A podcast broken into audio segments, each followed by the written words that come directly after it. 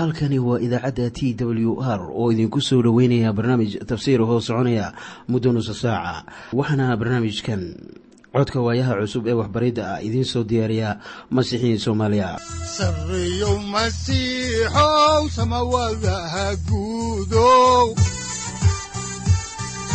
Siraadkii adduunkow subanaha eebow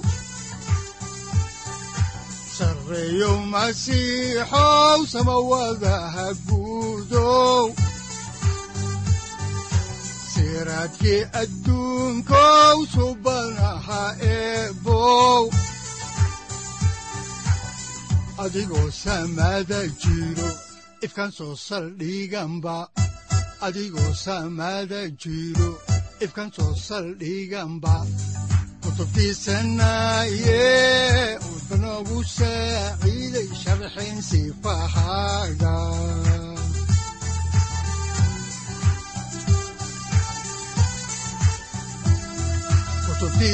kutubtiisinayow ebanagu saaciid sharxin sifahaaga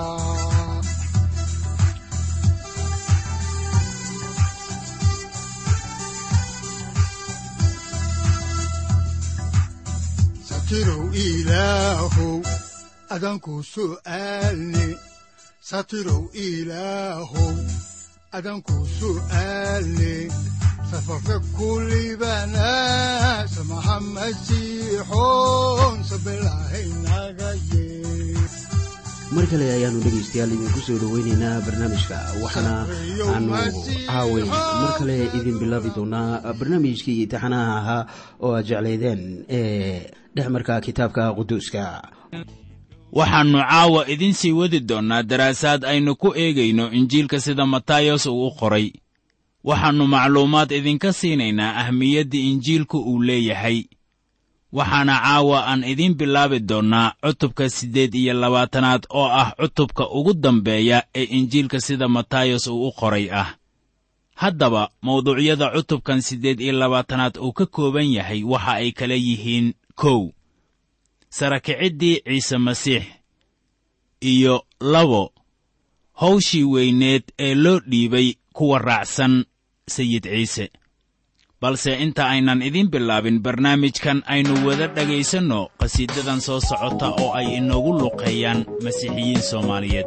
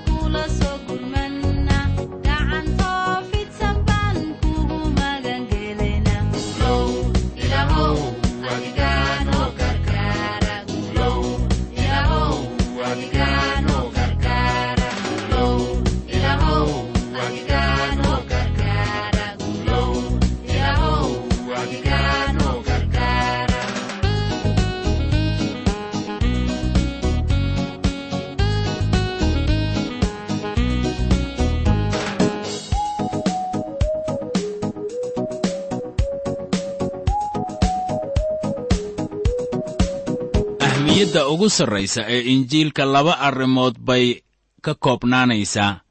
Kow dhimashadii ciise masiix iyo labo sara kicistii ciise masiix. Bal dhegayso rasuul bawlos oo qeexaya injiilka sida ku qoran warqaddiisii koowaad ee uu u qoray dadka korintos cutubka shan iyo tobanaad aayadaha saddex ilaa afar.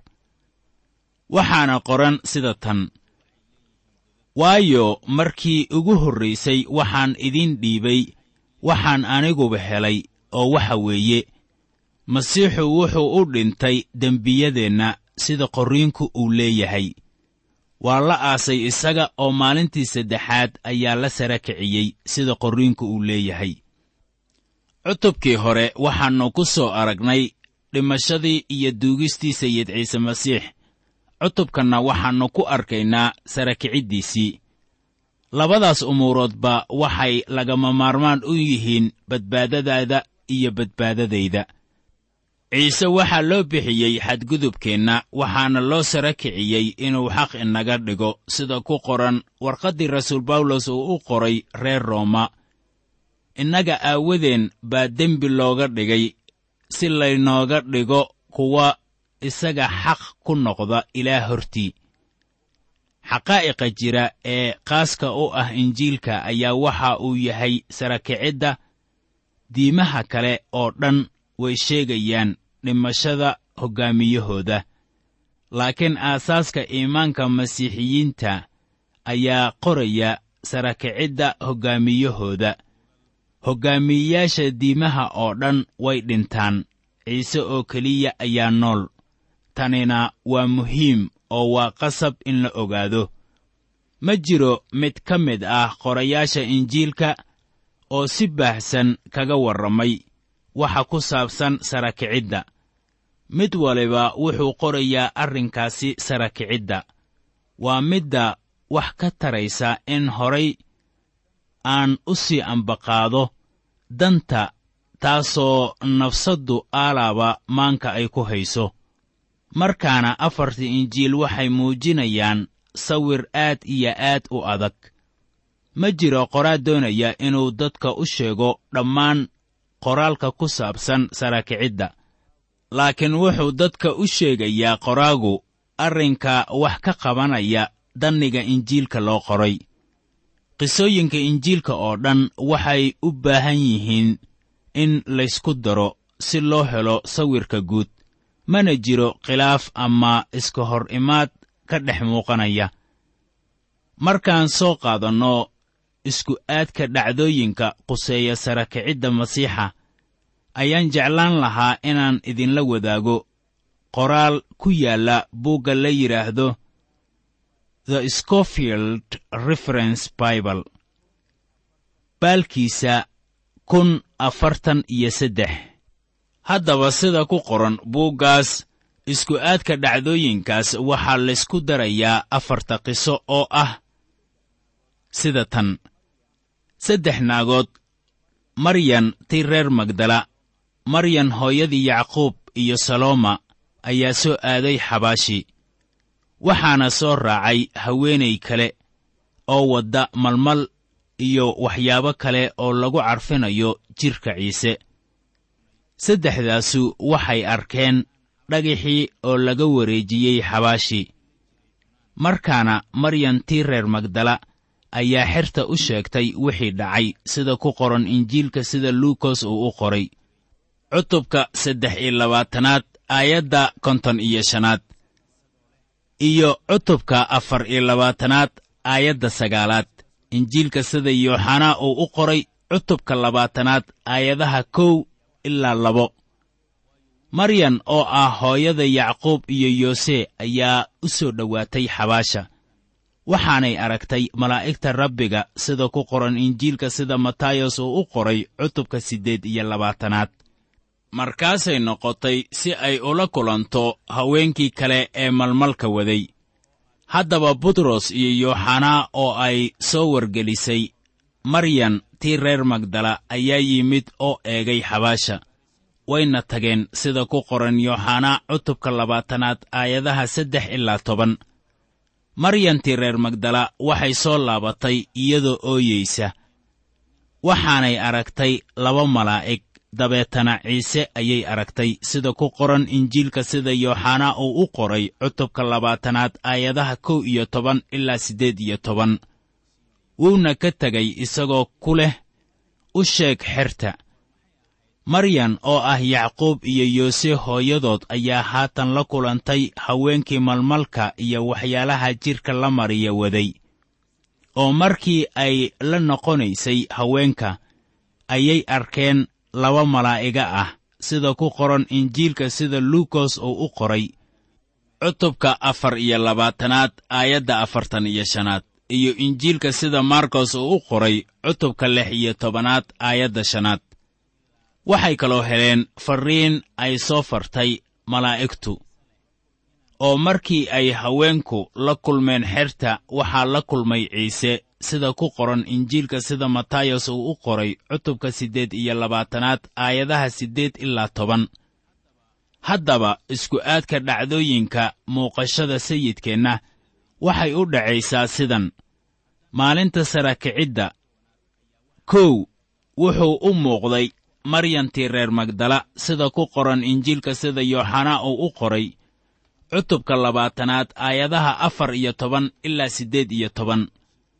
Labo wuxuu kaloo u muuqday haweenkii ka soo noqonayay xabaasha oo waday akhbaarka malaa'igaha sida ku qoran injiilka sida matayos uu u qoray cutubka siddeed iyo labaatanaad aayadaha siddeed ilaa toban. Saddex waxaa kaloo uu u muuqday butros abbaaraha duhurnimadii sida ku qoran luukos cutubka afar iyo labaatanaad aayadda soddon iyo afaraad. Afar waxaa kaloo uu u muuqday qaar ka mid ah xerta markii ay u socdeen magaalada emu'as abbaaraha fiidnimadii sida ku qoran luukos cutubka afar iyo labaatanaad aayadaha saddex iyo toban ilaa kow iyo soddon. Shan wuxuu kaloo u muuqday rasuullada oo uu ka maqan yahay toomas sida ku qoran injiilka sida luukos uu u qoray cutubka soddon iyo lixaad aayadda afartan iyo saddexaad iyo injiilka sida yooxanaa uu u qoray cutubka labaatanaad aayadaha sagaal iyo toban ilaa afar iyo labaatan. Siddeed maalmood ka dibna wuxuu markii ugu horraysay u muuqday rasuullada iyadoo uu toomas joogo. Sida ku qoran injiilka sida yooxanaa uu u qoray cutubka labaatanaad aayadaha afar iyo labaatan ilaa sagaal iyo labaatan. Deegaanka galiliina wuxuu markii ugu horraysay ugu muuqday toddoba joogtay badda tiberiya sida ku qoran injiilka sida yooxanaa uu u qoray cutubka kow iyo labaatanaad aayadaha kow ilaa saddex iyo labaatan. Mar kalena wuxuu buurta ugu muuqday rasuullada iyo shan boqol oo kale oo walaalaha ah sida ku qoran warqaddii koowaad ee rasuul bawlos uu u qoray dadkii korintos cutubka shan iyo tobanaad aayadda lixaad yeruusaalem iyo beytaniya wuxuu markii koowaad ugu muuqday yacquub. Sida ku qoran warqaddii koowaad ee rasuul bawlos uu u qoray dadka korintos cutubka shan iyo tobanaad aayadda toddobaad. Mar labaad ayuu haddana u muuqday xerta iyagoo kow iyo toban ah. Sida ku qoran injiilka sida matayos uu u qoray cutubka siddeed iyo labaatanaad aayadaha lix iyo toban ilaa labaatan. Iyo injiilka sida markos uu u qoray cutubka lix iyo tobanaad aayadaha afar iyo toban ilaa labaatan. Iyo weliba injiilka sida luukos uu u qoray cutubka afar iyo labaatanaad aayadaha saddex iyo soddon ilaa konton iyo saddex. Falimaha rasuullada cutubka koowaad aayadaha saddex ilaa laba-iyo toban. Bawlosna wuxuu ugu muuqday markii koowaad meel u dhow dimashik sida ku qoran falimaha rasuullada cutubka sagaalaad aayadaha saddex ilaa sagaal. Waxay kaloo taasu ku qoran tahay warqaddii koowaad ee rasuul bawlos uu u qoray dadka korintos cutubka shan iyo tobanaad aayadda siddeedaad. Markii labaad ayuu haddana bawlos ugu muuqday macbudka sida ku qoran falimaha rasuullada cutubka laba-iyo labaatanaad aayadaha toddoba iyo toban ilaa kow iyo labaatan iyo cutubka saddex iyo labaatanaad aayadda kow iyo tobanaad. Stefanosna wuxuu ugu muuqday meel ka baxsan yeruusaalem sida ku qoran falimaha rasuullada cutubka toddobaad aayadda shan iyo kontonaad. Yooxanaana wuu u muuqday sida ku qoran muujintii ciise masiix oo loo muujiyey yooxanaa cutubka koowaad aayadaha toban ilaa sagaal iyo toban. Matayos wuxuu dadka u barayaa ciise sida inuu boqor yahay qisooyinka la xidhiidha sarakiciddiisa oo ay ku jiraan xaalka qabriga ayaa loo qoray si xiise leh. Waxaad ka dhex arkaysaa qoraalka matayos turumbooyinka boqorrada loo yeeriyo wuxuuna u dhashay sida qoraalku uu tibaaxayo boqor ahaan wuxuuna u noolaa boqor ahaan wuxuuna u dhintay boqor ahaan oo wuxuuna dhimashada ugu sara kacay boqor ahaan. Qisada matayos waxay inoo sheegaysaa dhulgiriirka dhacay malaa'igta dhulka timid iyo dhagaxii qabriga oo halkaasi laga qaaday ilaaliyayaashii oo baqdin la giriiray iyo dadaalkii madaxdii diinta ay ku daboolayeen xaqiiqada timid ee ah inuu qabrigu maran yahay waxaad haddaba la barbardhigtaa injiilka sida luukas uu u qoray kan uu qoray matayos waxaad haddaba injiilka luukos uu qoray ku arkaysaa degganaan iyo hadal gaaban oo calaamad u ah danta luukos uu u qoray injiilka. Sayidkuna wuxuu u muuqday xer aan la aqoon oo ku sii jeedday emo'as oo ah tuulo u dhow yeruusaalem dabeetana wuxuu u muuqday xerta oo joogta guri aan ciddii lahayd la magacaabin. Luukos wuxuu qorayaa qisada dadka marka matayosna uu qorayo jegada ciise ee boqornimada. Qoraalka oo dhan waa sax isla sida ay yihiin qoraallada injiilada kale. Laakiin waxaa loo warinayaa aragtiyo kala duwan. Iminkana aynu u leexanno maaddada ah imaanshihii labada maryan ee ay yimaadeen xabaashi ciise. Haddaan dib ugu soo noqonno injiilka sida matayos uu u qoray ayaa waxaa ku qoran cutubka siddeed iyo labaatanaad aayadda koowaad sida tan.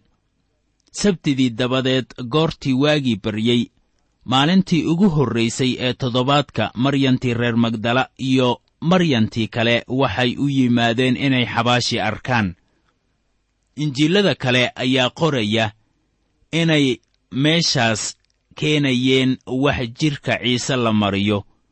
Haddaba waa adag tahay in la garto. Maryanta kale sheekooyinka qaar ayaa leh waxa weeye hooyada yacquub iyo yoose. Haddaan halkii ka sii wadno xigashada ayaa waxaa ku qoran aayadda labaad ee cutubkan siddeed iyo labaatanaad sida tan.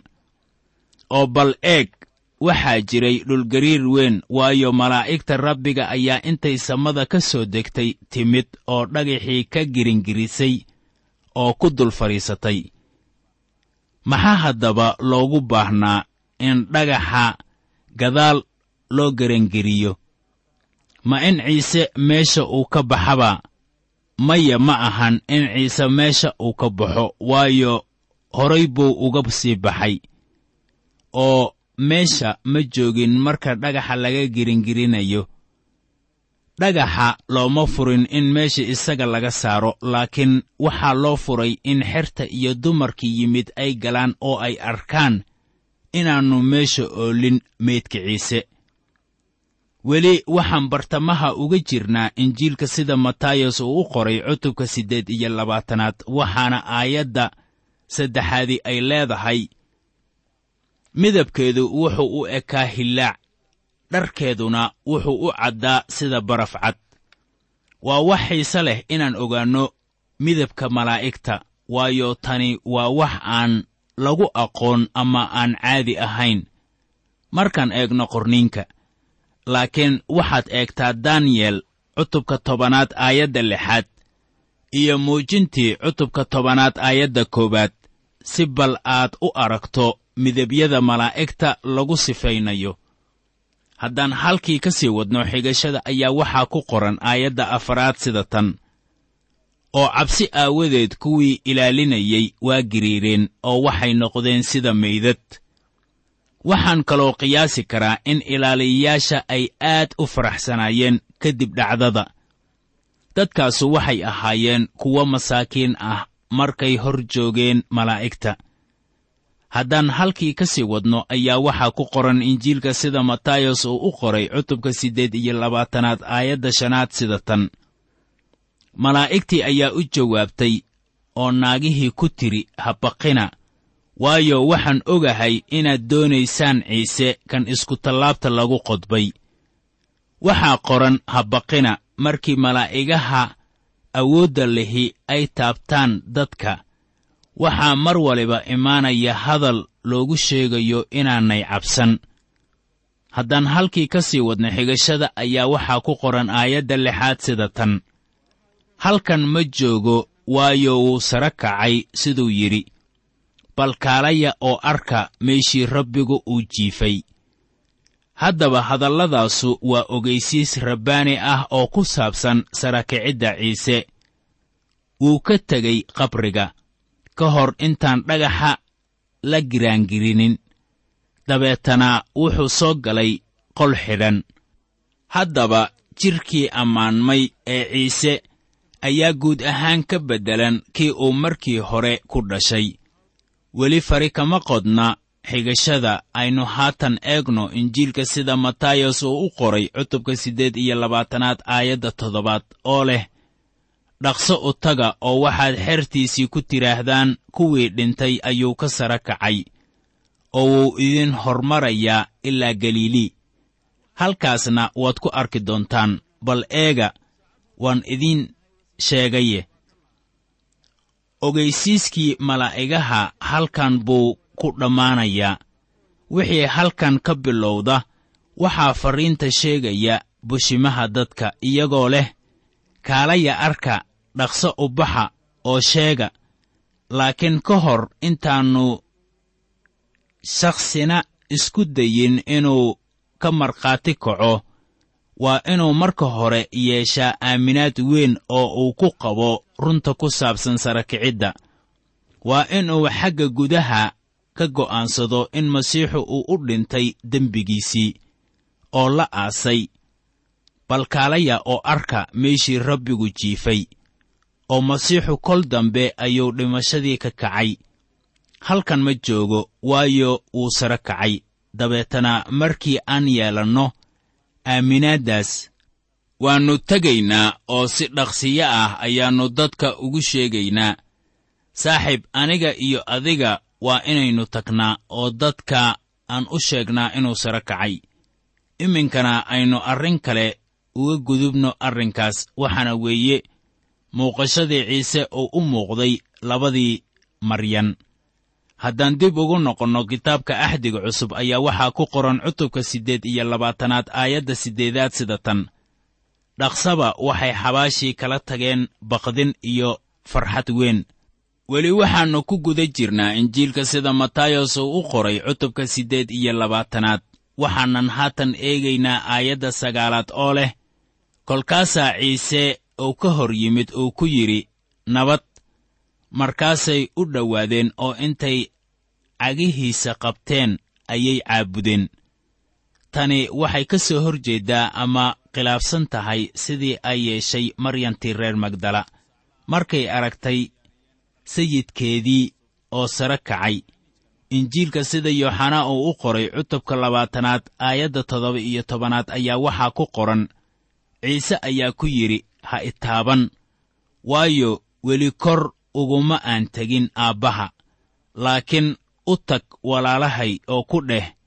Wuxuu yidhi waxaan kor ugu tegayaa aabbahay oo ah aabbihiin ilaahay oo ah ilaahiin fasiraaddu waxay noqonaysaa in inta u dhaxaysa wakhtiyadaasi qisada la kala qoray oo uu ciise samada galay oo uu u tagay aabbihiis oo uu dhiiggiisii qaaliga ahaa hor dhigay samada quduuska quduusyada. Haddaan halkeedii ka sii ambaqaadno kitaabka ayaa waxaa ku qoran injiilka sida matayos uu u qoray cutubka siddeed iyo labaatanaad aayadda tobanaad sida tan markaasaa ciise wuxuu ku yidhi habaqina taga. Walaalahay u sheega inay galiilii tagaan oo halkaasay ugu arki doonaan. Haddaba sidaannu aayadda ku arkayno wuxuu kula ballamay inuu ku arki doono galiilii. Iminkana aynu eegno arrinka kale ee ah qiilka kale ee ay yeelan karayaan ilaaliyayaasha xabaashii ciise joogay haddaan horay u sii ambaqaadno kitaabka ayaa waxaa ku qoran injiilka sida matayos uu u qoray cutubka siddeed iyo labaatanaad aayadda kow iyo tobanaad sida tan. Intay sii socdeen ayaa waardiiyayaashii qaarkood magaaladii yimid oo waxay wadaaddadii sare uga warrameen wixii dhacay oo dhan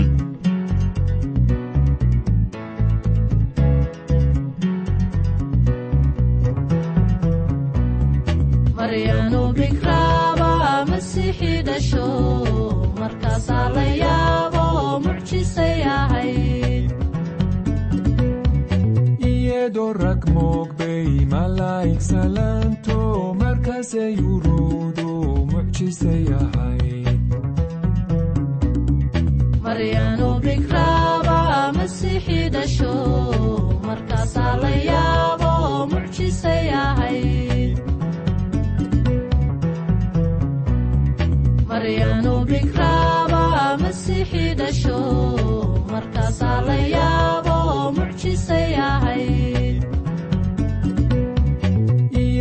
rag moogbay malaa'ig salaanto markaasay uruudu mucjisay ahayd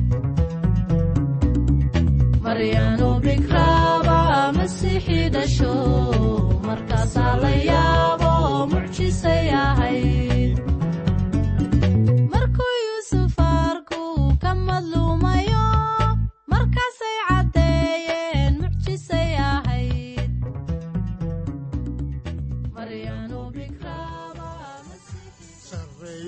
masiixow samawadaha guudow siraadkii adduunkow subanaha eebow adigoo samada jiro ifkan soo saldhiganba adigoo samada jiro ifkan soo saldhiganba kutubtiisanaye halkani waa t w r idaacadda t w r oo idinku leh ilaa ha idin barakeeyo oo ha idinku anfaco wixii aad caawi ka maqasheen barnaamijka. Waxaa barnaamijkan oo kalea aad ka maqli doontaan habeen dambe hadahan oo kale haddiise aad doonaysaan in aad fikirkiina ka dhiibataan wixii aad caawi maqasheen ayaad nagala soo xiriiri kartaan som t w r at t w r c o k e haddii aad doonaysaan in aad dejiisataan oo kaydsataan barnaamijka ama aad mar kale dhegaysataan fadlan mar kale booqo www t w r o r g amase waxaad teleefoonkaaga ku kaydsataa ama ku download garaysataa agabyada ku sahli karaa dhegeysiga t w r haddii aad doonayso in laga kaalmeeyo dhinacyada fahamka kitaabka amase aad u baahan tahay duco fadlan fariimahaaga soo mari bogga aaraahda ama kommentska inana jawaab degdeg ah ayaanu ku soo diri doonaa amase ku siin doonaaye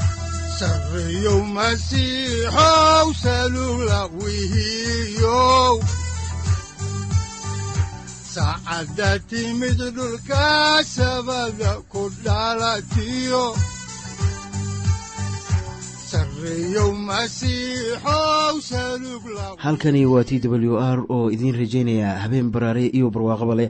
Inta aynu ka gaari doono wakhti aynu ku kulanno barnaamij la mida kan caawayay aad maqasheen. Waxa aan idinku leeyahay nabadda ciise masiix ha idinku badato xagga jidhka iyo ruuxaba. Aamiin